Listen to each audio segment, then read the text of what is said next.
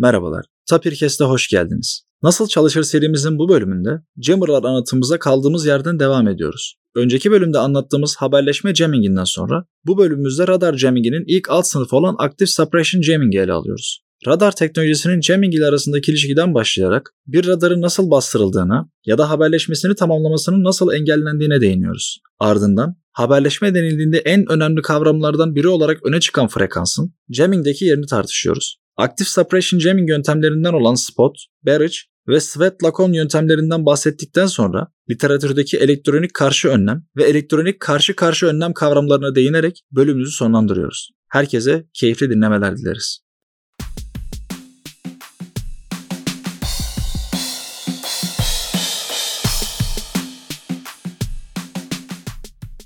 Serhan Hocam hoş geldiniz. Hoş bulduk Bahadır. Jamming sınıflandırmamıza bir önceki bölümümüzde haberleşme jamming ile başlamıştık. Haberleşme jamminginin karşısında bir de radar jammingi bulunuyor. Bu radar jamminginin de iki adet alt sınıfı var ama öncelikle radarın ne olduğunu hatırlatmamız gerekiyor. Nasıl çalışır serimizin bölümlerinden birinde radarın nasıl çalıştığını zaten anlatmıştık ama özetle radar radyo dalgalarıyla tespit ve mesafe belirlemenin aslında kısaltmasıdır. Hocam iki jamming için haberleşme jammingi ve radar jammingi bilgi alıcı ve verici tarafta ne ifade ediyor?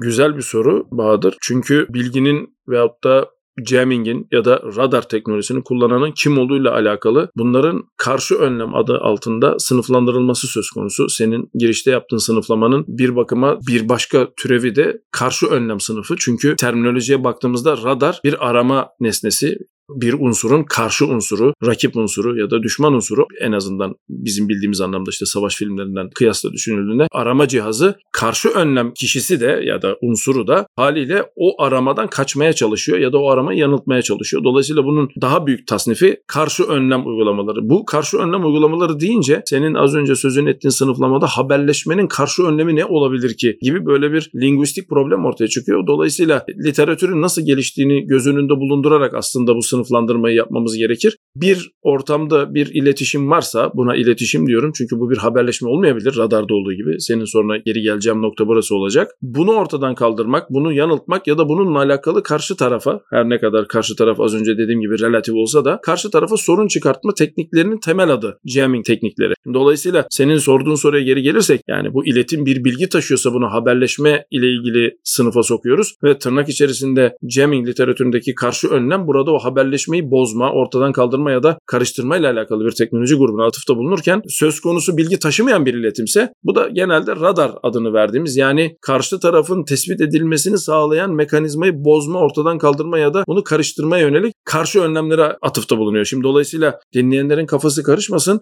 İçinde bulunduğumuz yerde ve pozisyonumuza göre isimlendirilen bir literatür söz konusu. Savaş filmlerinde düşünelim. Eğer siz yerdeyseniz ve bir düşman uçağının size gelip bulmasını istemiyor iseniz düşman uçağını önceden ortadan kaldırabilmek için önceden geldiğini haber almanız gerekir. İşte o haber alma işini yapan nesneye radar diyoruz. Aynı şekilde bizim oturduğumuz yerden düşmanımızın da kendisinin bulunmasını istemediği bir durum onun açısından bir karşı önlem olacak ki o da jamming sözcüğünü kullanacak kendi adına. Dolayısıyla bu relatif referanslar üzerinden kafa karışıklığı yaratmadan radar bulunduğumuz yere göre değişkenlik göstermek arz etse bile Literatürdeki tam karşılığı radar bir arama cihazıdır ve bununla alakalı bir tespit yapmaya çalışır isminden de belirtildiği gibi. Jamming de bu tespiti, bu belirlemeyi ortadan kaldırmaya yönelik bir karşı önlemdir. Bu karşı önlem haberleşmede maalesef biraz anlam genişlemesine kaydığı için günümüzde jammer dediğimizde gündelik hayatımıza giren haberleşme jammer'ıdır. Jammer sözcüğünün ortaya çıktığı literatür kabaca 2. Dünya Savaşı'nda radarla ilgili olan kısımdır ama dediğim gibi anlam genişlemesi söz konusu olduğu için bu açıklamayı yapmak zorunda kalıyoruz Bahadır. Hocam şimdi literatürü araştırdığımız zaman, literatürü Jammer özelinde taradığımız zaman ilginç bir kafa karışıklığına yol açabiliyor. Şöyle ki haberleşme jamminginde A noktasından B noktasına giden bilgi engellenmeye çalışıyor diye özetleyelim. Radar jamminginde bu durum böyle değilken ama haberleşme jamminginde A noktasından hali hazırda çıkan şey, iletilen şey bilgi iken B noktası bunu tam olarak aldığı zaman bir haberleşme sağlanabiliyor diyoruz ve araya girmeye çalışan nesneye biz haberleşme jammingi ya da saldırı yöntemine haberleşme jammingi diyoruz. Peki bu bilgi radarda tam olarak nerede karşımıza çıkıyor? Yani evet en başta gönderilen işaret bir bilgi içermiyor olabilir. Ama biraz önce verdiğiniz örnekteki gibi benim uçağı tespit etmem yani yerde yatan bir tespit edilmek istemeyen bir asker olarak benim uçağı tespit etmem gönderdiğim radar işaretinin dönüşüne göre bana bir bilgi arz edecektir. Arada bu bilginin arz etmemesini, bu bilginin bana bilgi olarak ulaşılmamasını sağlayan şeye mi radar jamming gidiyoruz? Kabaca evet En kaba haliyle evet. Neden diyeceksin? Çünkü jamming teknikleri arasında özellikle radar jamming tekniklerinin iki alt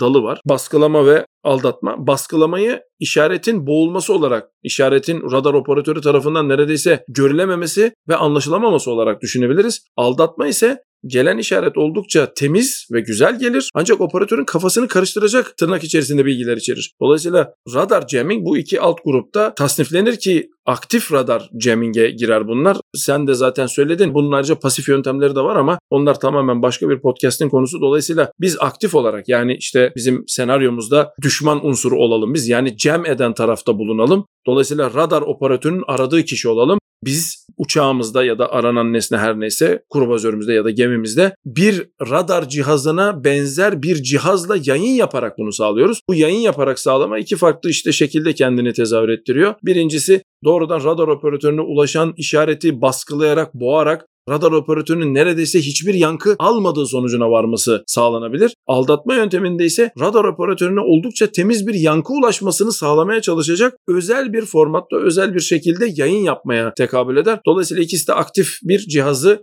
bizim tarafımızda yani cem eden tarafta bulundurmayı gerektirir Bahadır.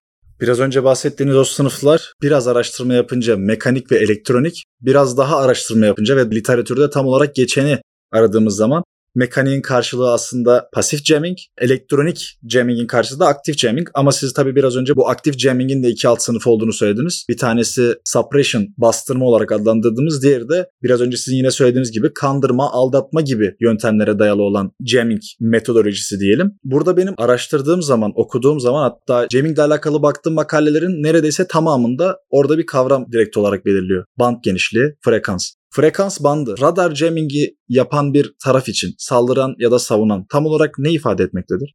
Biraz daha geriye alarak her zamanki gibi soruya yanıt vermek istiyorum Bahadır. Elektrik, elektronik mühendisliğinde yani tabii ki aslında elektrik mühendisliğinde bir sistemi tanımlayan en önemli sözcük frekans. Bunu daha önce çektiğimiz podcastlerden de dinleyicilerimiz fark etmişlerdir. Bir sistemi genelde biz frekans bölgesinde tanımlarız. Çünkü frekans bölgesinde tanımladığımız zaman hem işler kolaylaşır hem de zaman bölgesinde ya da zaman bölgesi adını verdiğimiz yerde orasının ne olduğunu bilmemize gerek yok dual bölgede diyelim göremediklerimizi görmeye başlarız ama frekans gerçekten senin de söylediğin gibi çok belirleyici. Şimdi bu neden önemli? Radar adını verdiğimiz teknoloji zaten başındaki o R harfi nedeniyle, RA harfi nedeniyle radio waves yani elektromanyetik spektrumun zaten çok belirli bir bölgesinde yayınım yapmayı gösteriyor. Yani onu da fiziksel fenomenlerden elektromanyetik dalgaların frekansı ya da bunun tersi olarak dalga boyu üzerinden tanımlıyoruz. Yani bir radar teknolojisi varsa ve biz buna karşı önlem geliştirmeye çalışıyorsak tanım gereği radarın olduğu frekans bölgesinde çalışan aktif bir jamming yapacağız demektir ki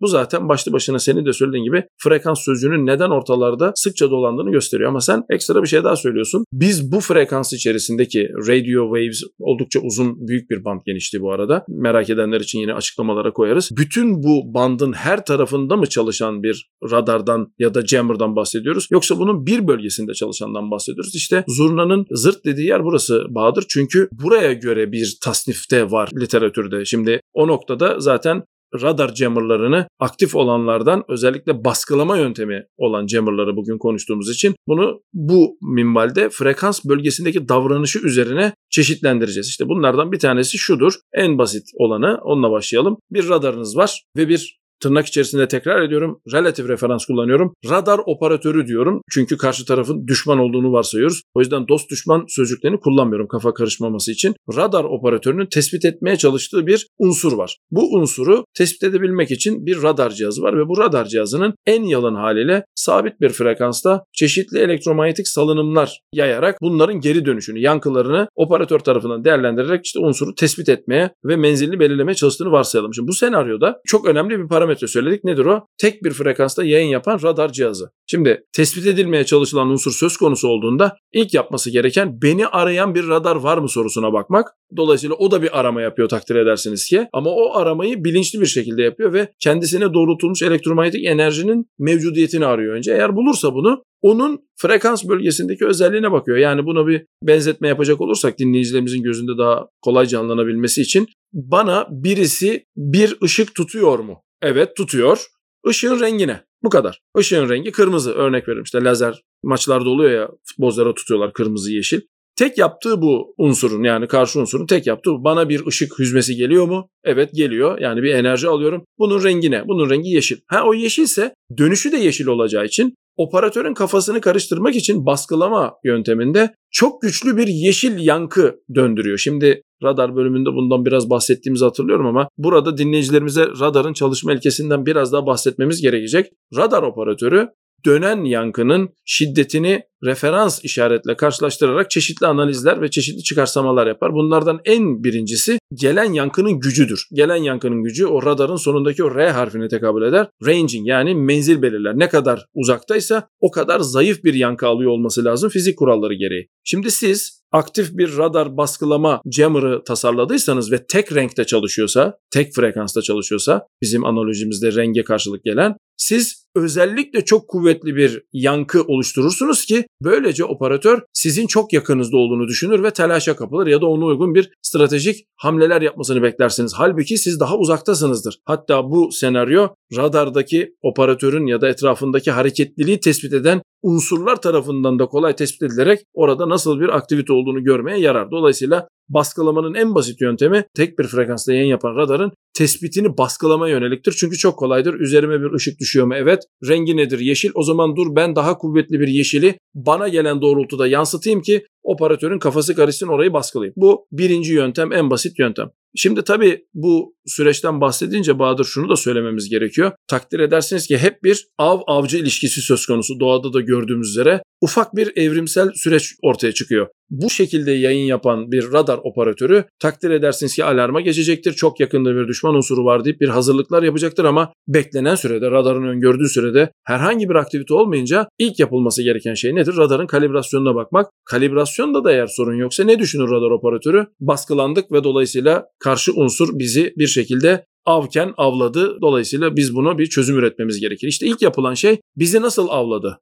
E çok basit çünkü ben bir yeşil ışık yansıtıyordum. O da ışığın rengini tespit etti. O da bana daha kuvvetli bir yeşil ışık yansıttı ve ben e, ortalığı karıştırdım hiç yapmamam gereken şekilde. Dolayısıyla yapması gereken ne? O zaman ben tek bir renkte ışık yaymayayım. Yine analojimizi dinleyicilerimiz için tekrarlıyorum. Bizim için ışık elektromanyetik enerji zaten aynı. Renk ise frekans adını verdiğimiz olgunun gözle görünür hali. Dolayısıyla radar operatörü işte teknisyenlere ya da mühendislere diyor ki senaryomuzda, evrimsel senaryomuzda yeşil renkli radarımız kolay bulundu ve bir şekilde baskılandı. Dolayısıyla bana bir çözüm bulun. Mühendislerin ilk yapacağı şey nedir? Yeşili baskıladıysa o zaman biz bir de yeşil yerine kırmızıyla deneyelim. Yani frekansımızı değiştirelim. Çünkü takdir edersiniz ki karşı tarafın cihazları da yeşile ayarlanmış bir şekilde gelmişti. Siz dolayısıyla yeşil renkli radardan vazgeçip kırmızı renkli radara geçersiniz ve denersiniz şansınızı. Karşı taraf tabii ki o da bunu düşündüğü için ne yapar bu sefer? Sizin hangi enerji bloğunda yani üzerinize ışık düşüp düşmeden önce tespit etmişti ya. İşte o tespitin üzerine bir de renk ayırıcı fonksiyonu koymak zorunda. Çünkü yeşili bulmuştu, biliyordu, duymuştu, istihbarattan almıştı. Ama artık bu değişti. Hangi renkte yayın yapıyoryu kendisine sorulduğu zaman düzgün yanıt verebilecek bir başka karşı cihazla bunu ne yapması lazım? Karşı önlem alması lazım. İşte bu gördüğünüz gibi unsurun işini zorlaştırıyor. Çünkü yeşil renkli bir radarı baskılayan yeşil renkli bir baskılayıcı yerine artık hangi renkte olduğunu bilmediği ve zamana göre değişkenlik arz eden renge göre yayın yapabilen bir baskılayıcıya sahip olması gerekir ki bu takdir edersiniz ki unsurun işini zorlaştırır. E bu tabii çok da zor bir problem değil. Evet daha ilk probleme göre daha karmaşık ama unsurun üzerinde çalıştığı ve iyi de teknisyenler ve mühendisler olduğunu varsayalım. Hızlıca üzerinden gelebileceği problem. Dolayısıyla sürekli bir biçimde karşı tarafın hangi enerji renginde tırnak içerisinde yayın yaptığını anlayan bir arama gerçekleştirir. Tabii ki bu arama bir problemle karşımıza çıkıyor. İşte burada evrimsel e, süreci görüyoruz karşı tarafın hangi rengi aradığını tek tek bütün renklere bakarak yapmak zorunda. Dolayısıyla karşı unsur diyelim onu. Çünkü radar operatörünün ne zaman hangi renkte yayın yapacağını bilmiyoruz. Dolayısıyla sürekli bir arama yapmanız lazım. Daha kötüsü şu denk gelirseniz şanslısınız ama denk gelmezseniz siz zaten çoktan yankıyı karşı tarafa ulaştırdınız ve tırnak içerisinde avlandınız. Dolayısıyla bunu yapabilmek için bütün o olası renk spektrumunu tek seferde mümkünse taramanız lazım ama bu tek seferde taramakta takdir edersiniz ki önemli bir işaret işleme, önemli bir hesaplama karmaşıklığı demek. Şimdi bu da tabii bir karşımıza problem olarak geliyor. Peki tespit edersek ne olur? Yani örneğimizde yeşilden vazgeçmiş ve kırmızıda yayın yapan bir radarımız olduğunu düşünelim. Operat unsurumuz da kırmızıyı bir şekilde aradı. İşte gökkuşağını düşünelim. Tek tek bunlara bakması lazım. Nota da diyebilirsiniz fark etmez. İşte gökkuşağında üstten başlarsak kırmızıyla başladı. Şanslı çünkü kırmızı yayın yapıyor. Varsayalım tersten başladı. Mor.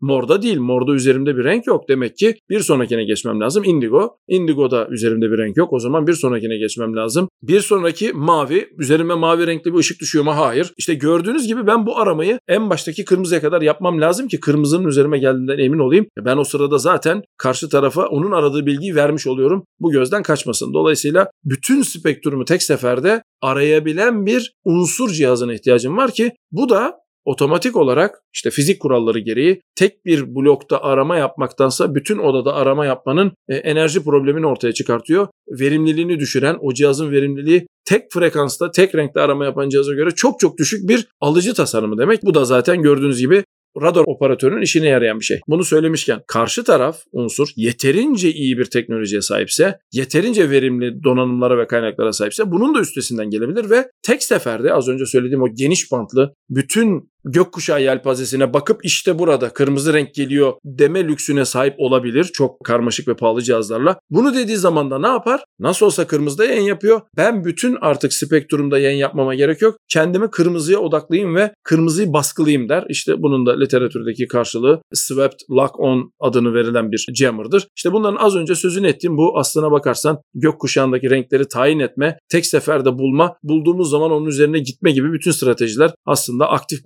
baskılama radarlarının hemen hemen bütün sınıflarını kapsıyor Bahadır. Literatürde de dinleyeceğimiz arasında merak edenler olacaktır. İlk bahsettiğiniz yöntem zaten ışık olarak da bunu tasvir ettiniz. Spot jamming olarak geçer. İkincisi ise buried jamming olarak geçer. Yani bütün spektrumu tarama ki tasvir ettiğimiz zaman bir spot ışığı çok ufak bir yer. Barrage daha büyük, geniş kapsamlı bir yerden bahsediyor olmamız gerekiyor. Peki hocam biraz önce bahsettiğiniz o evrimsel süreçte yani genel aslında saldıran ve savunan diyelim tırnak içinde yine iki tarafta özgür olsun. İki taraftan birine kendimizi atfetmeden söyleyelim. Hep bir kısım teknoloji geliştirirken hep karşılıklı denk, daha iyi derken daha kötü duruma düşüyor. Yani sürekli olarak karşılıklı olarak bir teknoloji gelişim sürecinden bahsediyoruz ki siz de buna teknolojinin evrimi dediniz. Peki şunu biliyoruz ki ne radar operatörü ne de radarı baskılamak için teknolojiyi kullanan taraf hiçbir zaman durmayacak. Yani karşılık olarak bir yöntem ve çözüm daha bulunması gerekiyor. E şimdi biz bastıran tarafın hep karşılık olarak ne yaptığına baktık. Baskılayan tarafın hep ikinci, üçüncü, dördüncü, beşinci planından bahsettik. Radar operatörünün buna karşı almış planları nedir?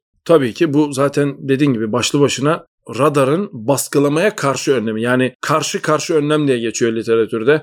Radarcıların yaptığı da literatürde zaten jammerları ne demiştik bölümümüzün başında da bir karşı önlem. İngilizcesi electronic countermeasure yani elektronik olarak bir karşı önlem almaydı. Ama senin sorun zaten teknik olarak literatürde bir başka alt sınıfa tekabül ediyor. Radarcılar bakış açısıyla. Bu da ECCM yani electronic counter countermeasure yani karşı önleme alınan karşı önlem. İşte böyle o karşı önlemler üst üste biniyor gidiyor. Ama dediğim gibi yani bu tamamen bu radar teknolojisi üzerinden gitmesi gereken bir şey ve başka bir podcastimizin konusu olacak ama şunu söyleyebilirim dinleyenlerimiz için. Tabii ki bu problem bu kadar kolay değil. Radarcılar da çok kafası çalışan radar operatörlerinden ve radar mühendislerinden oluşuyorlar. Onların en basit, en yalın haliyle yapılan teknik tespit edilmesi çok zor, çok anlık işaretleri çok hızlı bir biçimde bütün frekanslara yayarak ya da bütün frekanslarda sıçrayarak hatta üzerine düştüğünde bile unsurun tespit edilmesini neredeyse olanaksız kılacak özel kodlamalarla çünkü bölümümüzün başında da bahsettiğimiz üzere